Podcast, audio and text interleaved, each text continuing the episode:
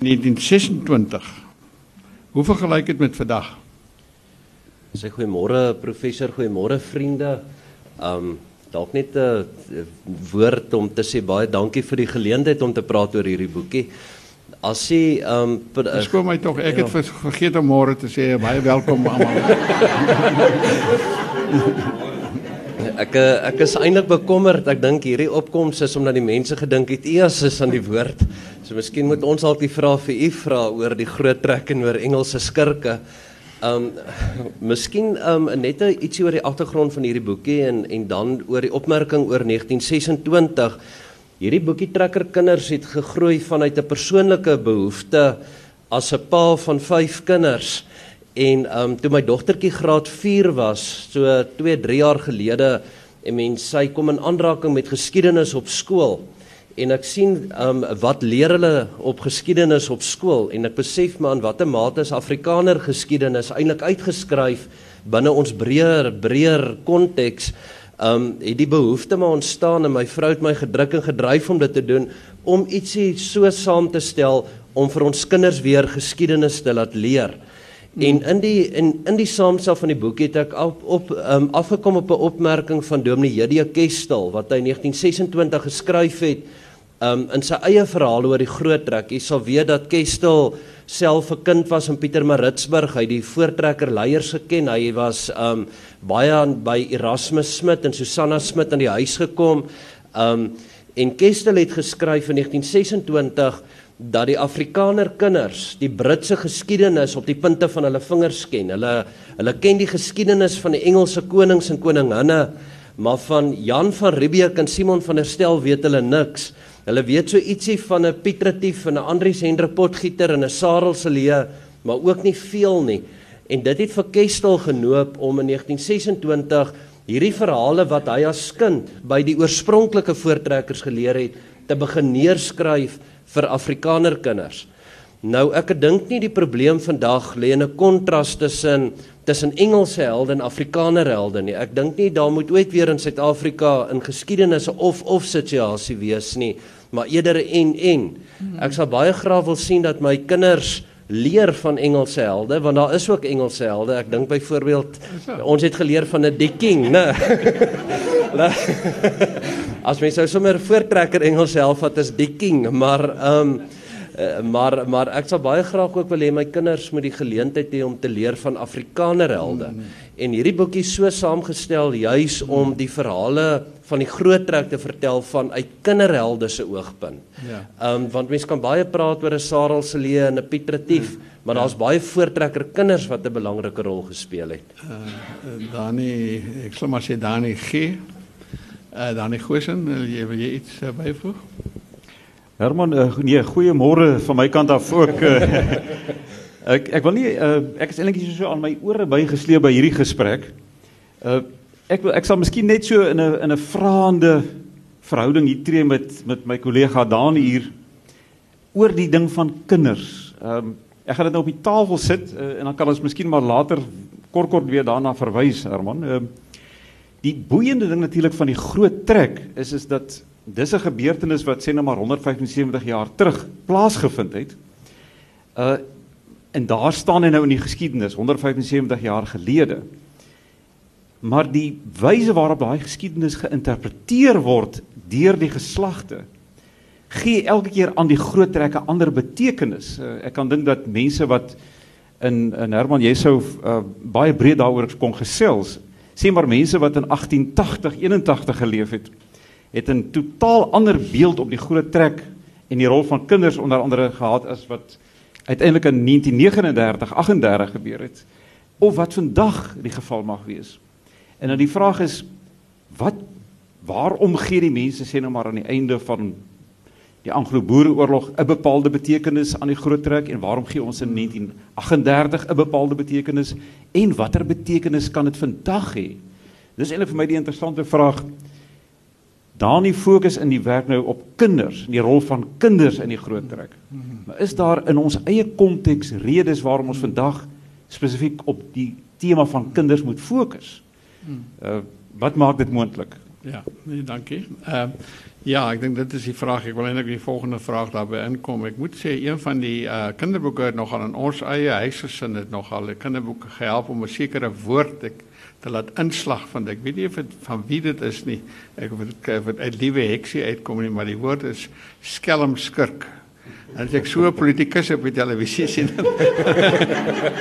dan uh, praat ek al van skelmskurk en ek dink dit behoort in die algemene taal ingeburger te word. Ehm um, ja, nee, ek dink die volgende vraag van van uh, is eintlik direk gekoppel daaraan. Sou jy uh, dan nie uh, dat die Afrikaner van vandag Afrikaner kind van vandag staan ook voor baie baie groot uitdagings, miskien groter as my geslag of julle geslagte. Is daar enigiets uh enige waardes wat deur die groot trek verteenwoordig word wat vandag nog geldig is? Ek die bedoeling was nie om 'n kruisverhoor te wees nie. Ek wil eintlik iemand eintlik saamgesels. Um ek dink die Afrikaner kind van vandag staan nie in 'n minder of meerdere uitdaging as byvoorbeeld die Afrikaner kind na die Anglo-Boereoorlog nie of die Afrikaner kind in die 30er jare nie. Ek dink elke geslag het sy eie uitdagings aan kinders, hmm. maar as mens praat oor die betekenis van die groot trek vandag en dalk so ietsie oor die 175ste herdenkingsjaar, is die vraag hoe moet ons dit in 2013 die groot trek gebeure verstaan? En persoonlik verkies ek dit om om te dink aan die groot trek gebeure as 'n reisverhaal van Afrikaners wat wat my getref het in hierdie boekie toe ek dit begin um nalees en opskryf is dat dit eintlik gesinne was van ons ouderdom wat op reis gegaan het. So um Andrius Pretorius was maar 40 met die slag van Bloedrivier. Um Sarel se lewe was 36. Hy het 'n 5 maande oue babatjie in die laar gehad wat agtergebly het. Met ander woorde was paas en maas wat met hulle kinders op 'n reis gegaan het om vir hulle kinders 'n plek te gee, 'n ruimte te gee.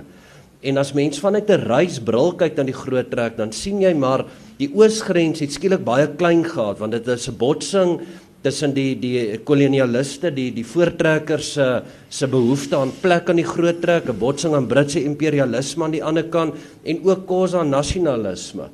En skielik het hierdie klein spasie in die oosgrens begin druk En paas en maas het besef maar binne hierdie klein spasie en ek veroor eenvoudig dit nou eintlik geweldig baie maar is daar nie meer vir ons 'n plek nie en hulle het op reis gegaan om te kyk maar waar's daar ruimte vir ons kinders.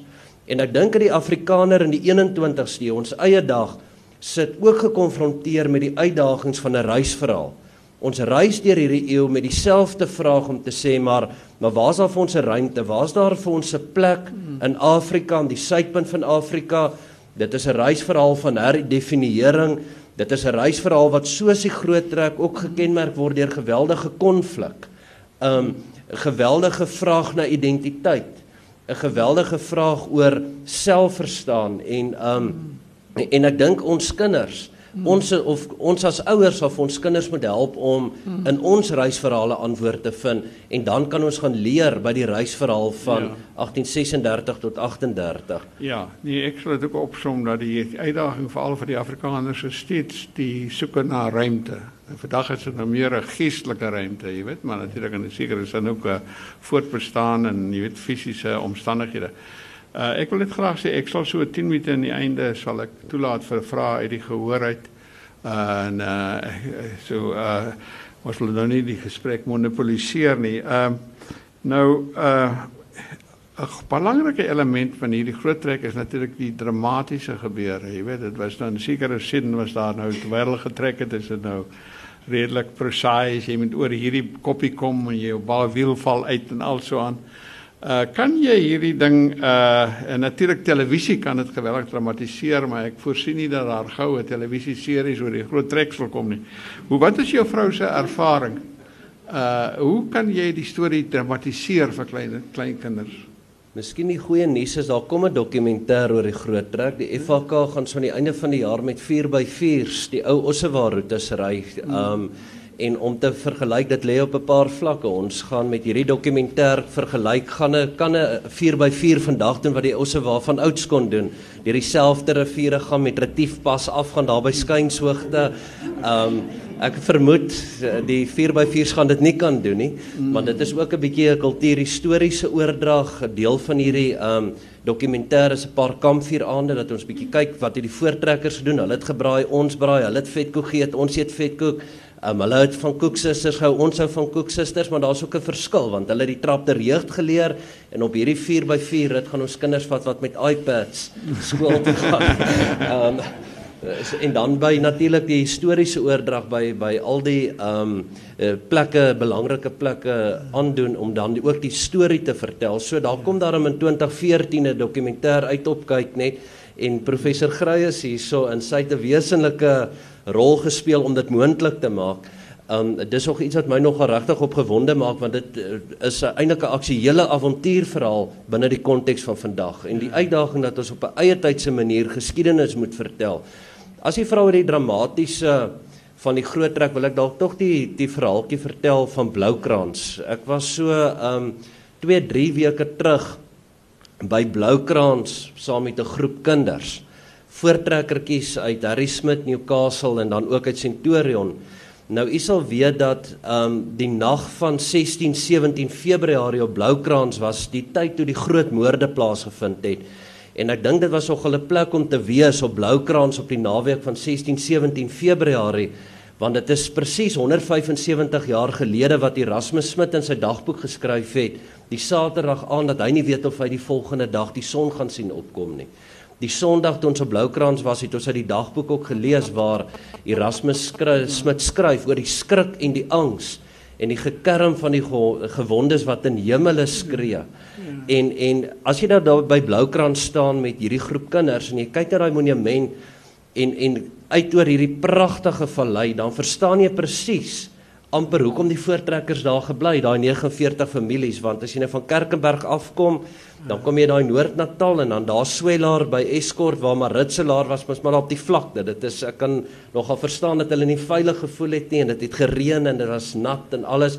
Toe trek hulle letterlik 180 grade weg en hulle gaan bly so 30 40 km aan 49 uh, families in hierdie Bloukrans omgewing waar daar skuilings is, dit is gebroke omgewing, daar's baie hout, dit is 'n pragtige rivier en die nag met daai vreeslike groot moorde. En toe daar by Bloukraan staan, ehm um, en mens sien die massa grafte. Jy sal weet dat in 1891 het hulle die oorskot van die voortrekkers gaan opgrawe en dit gaan herbegrawe by Bloukraans monumenterrein. Daar's so drie groot massa grafte en dan ook die graf van die voortrekker leier Gerard Marits en die grootste deel van die oorskot is vasgemessel in die monument.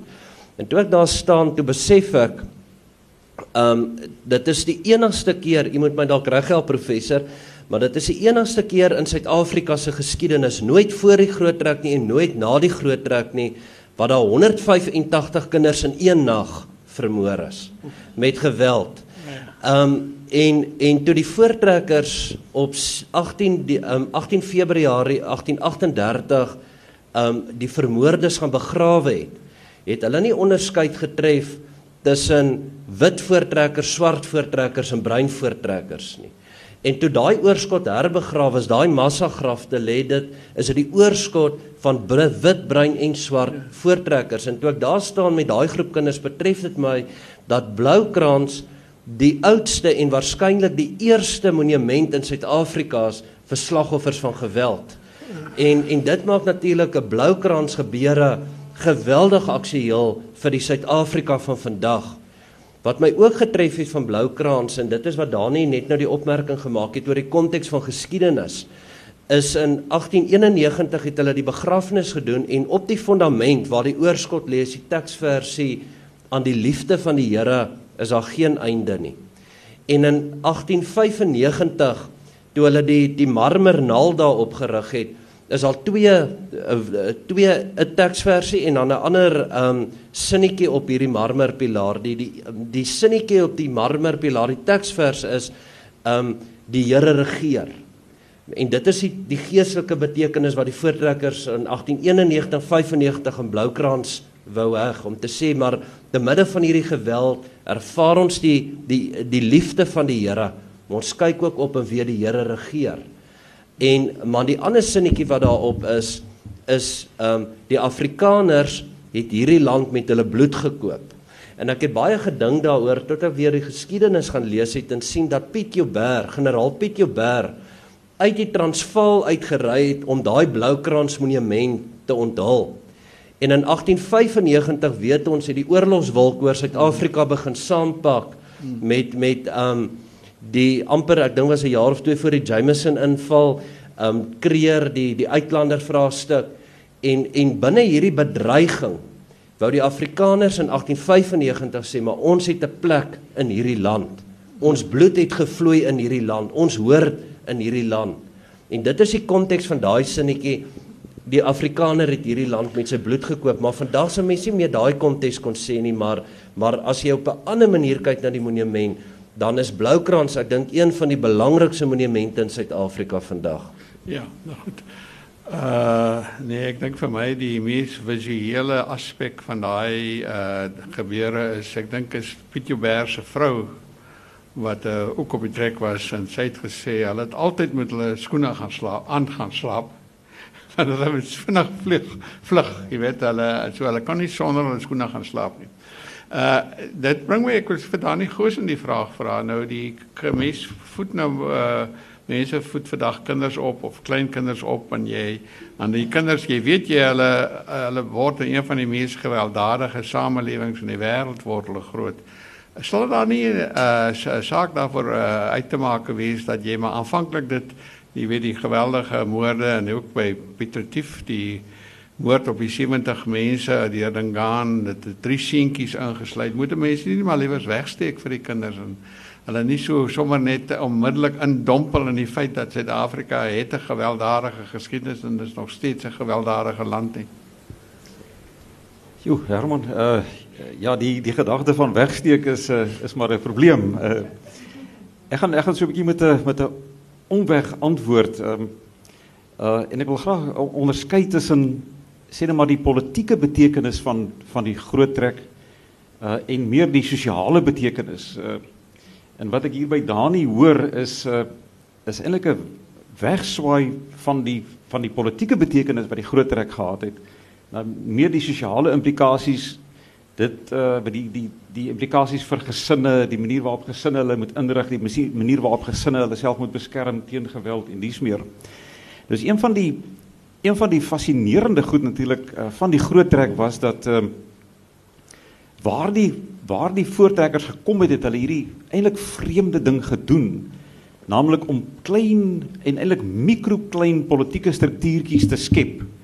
Uh klein republiekies te skep. So hulle probeer om 'n uh, politieke vorm te gee aan aan die groot trek. Uh, uh, ek was onlangs uh, saam met 'n FHK besoek in Namibië gewees. En toe vind ons daar uit dat in die die kaart wat getrek is wat die die sogenaamde dorsland trekkers getrek het is daar in die noorde van Namibië het die dorsland trekkers daar gekom en daar wragties ook 'n republiek gestig.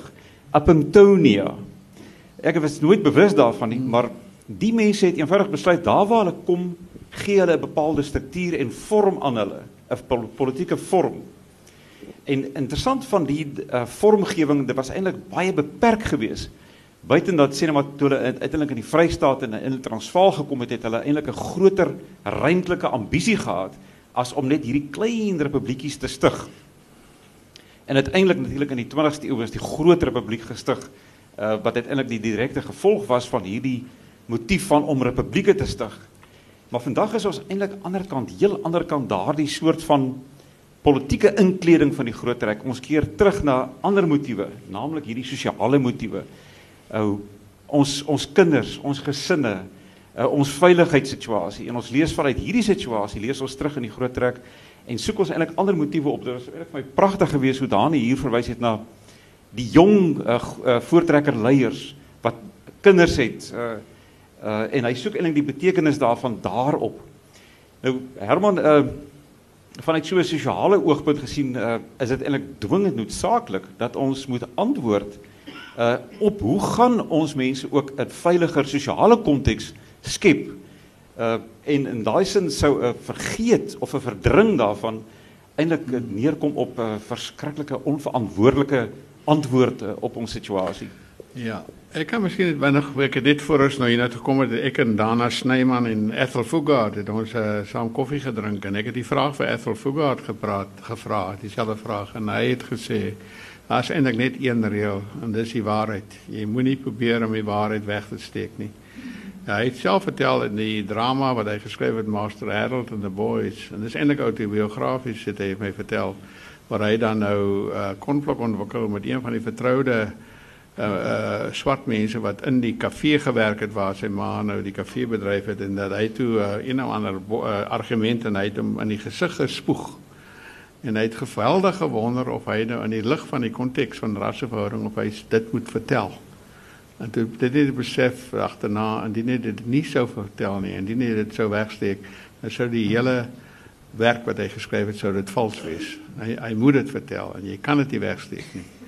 Ehm Nou uh daar nie uh uh in 'n groot mate is hierdie natuurlik 'n skielike want ek ken in 'n lang tyd het mense nie vreeslik oor die groot trek geskryf of gepraat en so aan nie en dit amper in die geskiedskrywing geweldig opgevlam tussen die 1930s en 1960s en toe dit nou in amper al op die agtergrond geskryf het En in die in die in die uh, koerante kry jy eintlik min daarvan. Martiens van Bart probeer baie hard om dit 'n uh, historiese bewussyn te skep en ek dink hy kry dit baie goed reg.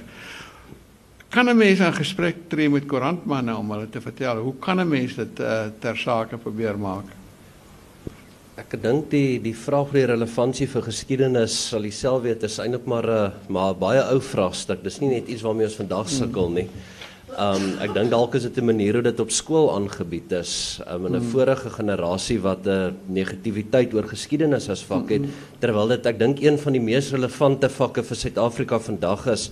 As ek net op daai punt kan inspel op wat u nou gesê het en wat Dani ook nou gesê het, is oor die politieke relevantie en dan ook oor die wegsteek of vir kinders en en binne die konteks van relevantie.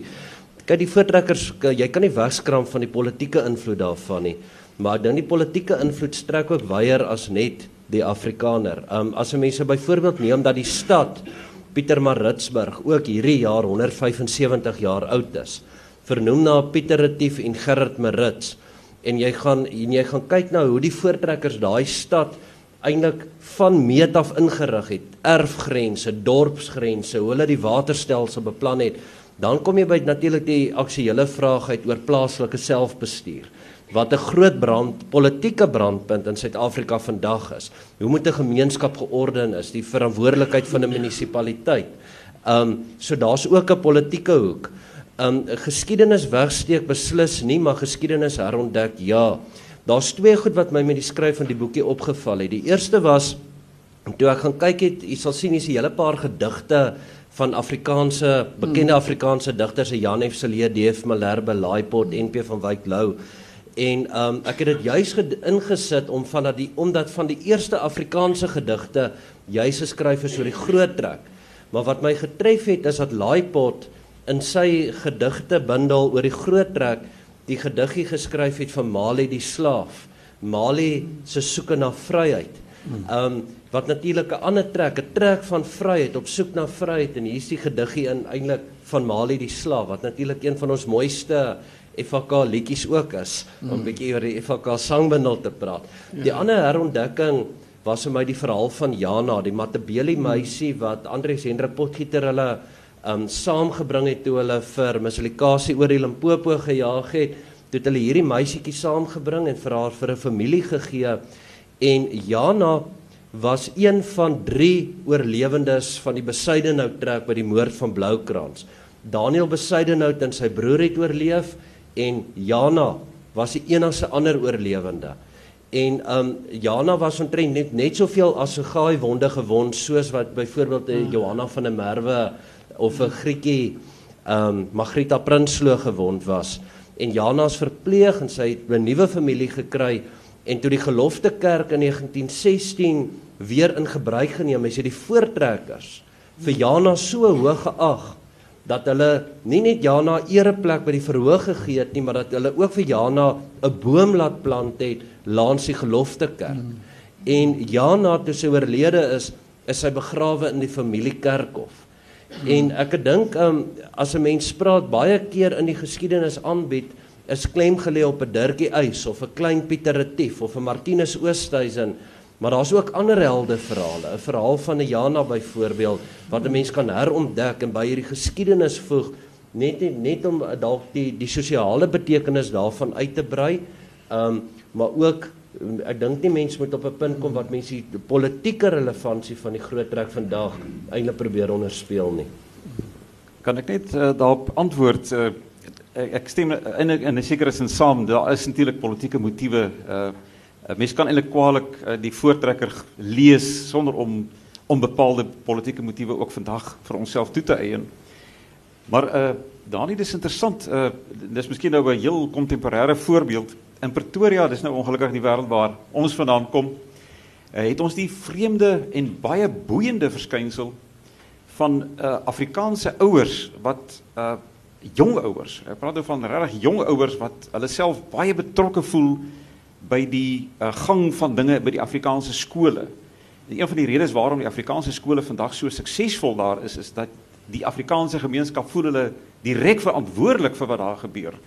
Uh hulle sorg dat die hoë standaarde gehandhaaf word, sorg dat daar goeie personeel is, sorg dat daar goeie hoofde is en so aan en so aan. So wat mens kry daar is eintlik 'n sosiale logika wat ons voltrek. Dis eintlik nie 'n direk politieke ding nie. Uh dis asof uh, ons mense hier op 'n op 'n pre-politieke hmm. vlak besluit maar nou nou tree ons in vir onsself en ons gaan sorg dat ons skole van die hoogste standaarde denkbaar handhaaf.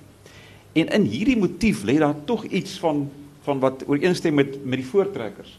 As mense nou so 'n bietjie wegstaan van die politieke motiewe agter die voortrekkers, was uh die ou wat daar besluit het om te trek vanuit Grafrenet se omgewing uh was waarskynlik ook aangedryf deur hierdie motief van om te sê maar nou moet ek intree op 'n uh, gemeenskapsvlak vir myself anders gaan ek dit gewoon net nie maak nie. So in in daai motief wat daar lê van 'n gemeenskap wat sê ek neem self verantwoordelikheid. Hmm. Het ons waarskynlik 'n geweldige hmm. direkte betekenis vir die groot trek vir ons vandag. Ja, uh, ek wil net aansluit daarbey. Dit lyk vir my dit is vir wat dan uh die groot les van die groot trek mense wat hulle eie noodlot in hulle eie hande neem en iets daaraan probeer doen. Ek laat my baie keer dink aan uh Laurie Slemmer was nou baie goeie vriend van my. Hy's voorvlede jaar oorlede. En hy is in 1980s was hy nou in in, die Universiteit van Natal as sosiale wetenskaplike en hy het daar studies gedoen wat Inkatha Instituut uh, vir hom gevra het om te doen. Hy het uh, probeer hy heeltemal afsydig as 'n onafhanklike akademikus. Hy het hulle gehelp om 'n uh, sekere uh, navorsing en so aan. En toe is hy eers sy een een nag is sy huis half afgebrand en ek dink later gebleik het is uh, wit akademikus wat met die ANC geaffilieer was en uh, en die volgende dag is sy, sy kantoor met al sy boeke uitgebrand. Hy was uh, toe op 'n stadium met 'n verhouding wat iemand wat hom saam met hom gebly het en later 'n getroue Hollandse vrou. En sy was natuurlik heeltemal ontredderd na die aanvalle twee nagte na mekaar en sy vra vir haar Hy vra sy vra vir hom maar wat doen ek hier? Geef my een goeie rede hoekom ek hier moet aanbly in hierdie land en hy hy sê sy, sy het my vertel sê kyk hy kyk haar so aan hy sê Suid-Afrika is 'n goeie toets vir karakter. en uh, ek dink dit is eintlik die voortrekkers daar was 'n uh, uh, debat tussen Andries uh, Stokkenstroom wat eintlik 'n Afrikaner was en uh, Hy was uh, grensadministrateur en Pieter Tief. En toe Pieter Tief hulle wil trek en hy het eintlik vir Pieter Tief gesê julle ontsnap julle verantwoordelikheid. Ons kan iets ordentliks in hierdie land bou. En Tief het gesê ek sien nie meer kans nie. Ek wil 'n ander tipe van ruimte gaan skep vir my en my mense. En dis 'n debat waar vir ons kinders te staan kom. Moet ons maar uitvlug uit die land uit en 'n ander manier probeer kry om te bestaan of ons moet ons hier ons kloue inslaan en sê ons bly hier en ons ons gaan 'n sukses hiervan maak. Is dit 'n vraag prof? 'n Baie interessante stelling. Kyk oor Pieter Retief, ehm um, kan 'n mens baie lank gepraat. Ek dink weer eens die soeke na plek, die oosgrens het te klein geword, die groot trek en op ander rigtings gegaan het. Hulle kon baie meer weswaarts getrek het. Um, maar ek dink ook maar die drang van 'n groot Afrika. Callie Opperman vertel vir ons van Namibië het die Dorsland trek plaasgevind wat nou ook hierdie jare groot byeenkomste het daar in die Kenini rivier. Die Dorsland um, trek plaasgevind oor een enkele rede alleen en dit is omdat die ek kan nou nie die oom se van onthou nie, maar omdat daai dorsvan trekker gesê het, maar daar's 'n trekgees in ons. en daai trekgees het gemaak dat hom maar net verder trek deur Botswana tot by Angola. Ehm um, Uh, so ek dink daai trekgees is dalk maar in ons karakter as jy nou praat oor karakter. Ehm um, wat vir my wel ook belangrik is om tog te sê oor die groot trek en die groot trek leiers spesifiek oor Piet Retief Ons lees baie as jy nou het net nou verwys uit die media oor hoe die groot trek leiers vandag afgekraak word en eintlik probeer om hulle rol te minimaliseer, om hulle te te maak tot skurke soos wat nou baie keer nou gebeur met Retief. Skelmskurk. Eh, Skelmskurke. en ehm um, wat er, wat as jy Retief se geskiedenis gaan lees, is hy waarskynlik die eerste van 'n reeks kreatiewe Afrikaanse entrepreneurs waarvan ons vandag baie kry. Ehm um, Ja. Maar wat tog besiel is met die ideale en 'n ambisie om iets vir sy mense te doen. Ja. Um ek dink ons moet nooit vergeet oor die voortrekkers, hulle was mense nie, gewone mense met gewone foute en sondes nie. Um hmm. ons kom uit 18 uh, of uit 1938 met die eeufees van die Ossewaard trek, dink ek ons het die voortrekkers baie geromantiseer. Ons het baie van ons eie Afrikaner identiteit in die 20ste eeu gebou rondom hierdie romantiese beeld oor die groot trek maar dit was maar op die einde van die dag gewone mense soos ons wat gesoek het na oplossings. Een van die goed wat dit vir my baie sterk beklemtoon het en nou praat ek bietjie met 'n kerkhoek terwyl hulle vir my prof wat daar agter sit, um, prof Sybrand Strauss van dogmatiek in Kossies. As mens bietjie kyk na 'n kerkhoek, dan verstom dit my die ooreenkomste met vandag want hier's 'n groep mense en hulle trek en het nou gesê oor die noodlot in eie hande. Ons het gepraat oor die veiligheidssituasie, die aanslag met skoene, 'n situasie van voortdurende bedreiging van van bestaansvrae en dan beklei hulle oor die kerk. Hulle kon nie ooreenkom oor die dominee wat vir hulle moet preek nie. En dan is dit oor redes soos hy preek swak. Erasmus Smit is te oud en hy doen nie huisbesoek nie en al daai goed wat ons vandag ook hoor in die relevantie van die kerk. Um gewone mense met gewone vrae maar met 'n geweldige aksuele betekenis vir wat vandag. Wat my van baie betekenis was is dat jy al die klomp woorde wat jy gekry het wat eintlik oor die uit die groot trek uitkom eh, wat jy met 'n mense en vir kinders aan verduidelik hierdie kom uit hierdie omstandighede hierdie woorde wat ons vandag alledaags gebruik ja. Ja, ek het 'n hele stukkie daarin oor Ossewa taal in Afrikaans. Um woorde soos rieme neer lê, rieme styf loop, linsriem, so sterk soos 'n os klein jukskytjie met 'n groot kop, um kusklere, iemand inspan, die laaste skof. Um onklaar, agter ons kom ook in die kraal. Dit is alles Ossewa taal wat ons vandag nog net so gebruik sonder om te weet dat dit eintlik 'n direkte groot trek betekenis het. Ja. Ja, ons het nog so 10 minute oor dink ek. Uh wil enige vrae uit die gehoor uit? Sal ons maar aangaan. uh Goed, uh ja, Herman kan ekskuus kan ja, ek 'n vraag vra? Ek, ek miskien aan aan wat Dani sopas gesê het uh oor die motief van trek. Ons is uh, jy het gesê ons daar's maar 'n trekker gees in ons. Nou uh as mens trek, dan wil jy tog iewers uitkom. So daar's as jy trek, wil jy ook tuis kom. So is dit nie eintlik twee motiewe in die groot trek, die motief van trek, maar ook die motief van tuis kom, 'n plek te kry nie.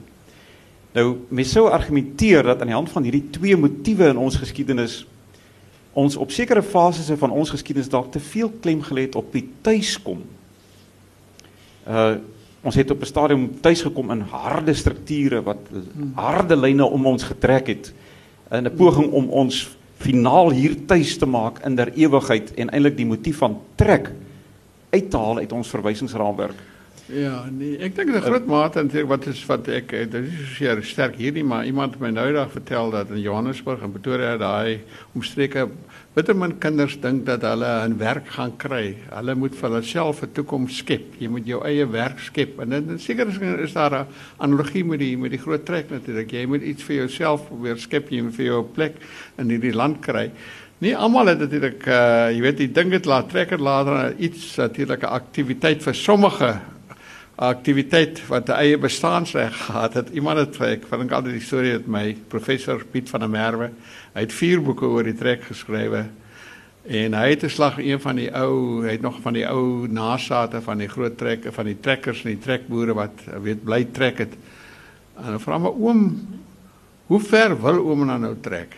En toe sê die oom vir hom terug, tot die ander kant uit.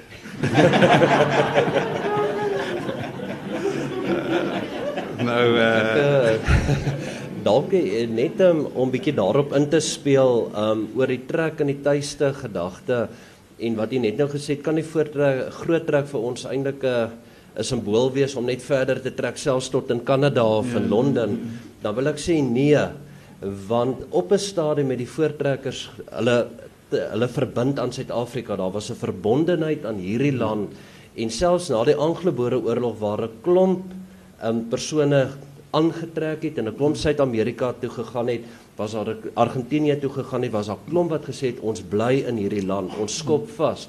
So ek dink as jy praat oor die waardes van die groot trek, dan kry mense die waardes van 'n trekkergees en 'n deursettingsvermoë en 'n geloof en 'n selfwerksaamheid, maar dan ook 'n verbondenheid aan hierdie land. En as ons praat oor 'n 21ste eeuse reisverhaal hmm. en en 'n soeke na nuwe ruimte, dink ek dit kan nie in 'n ander konteks wees as binne die grense van Suid-Afrika vandag nie. Ja.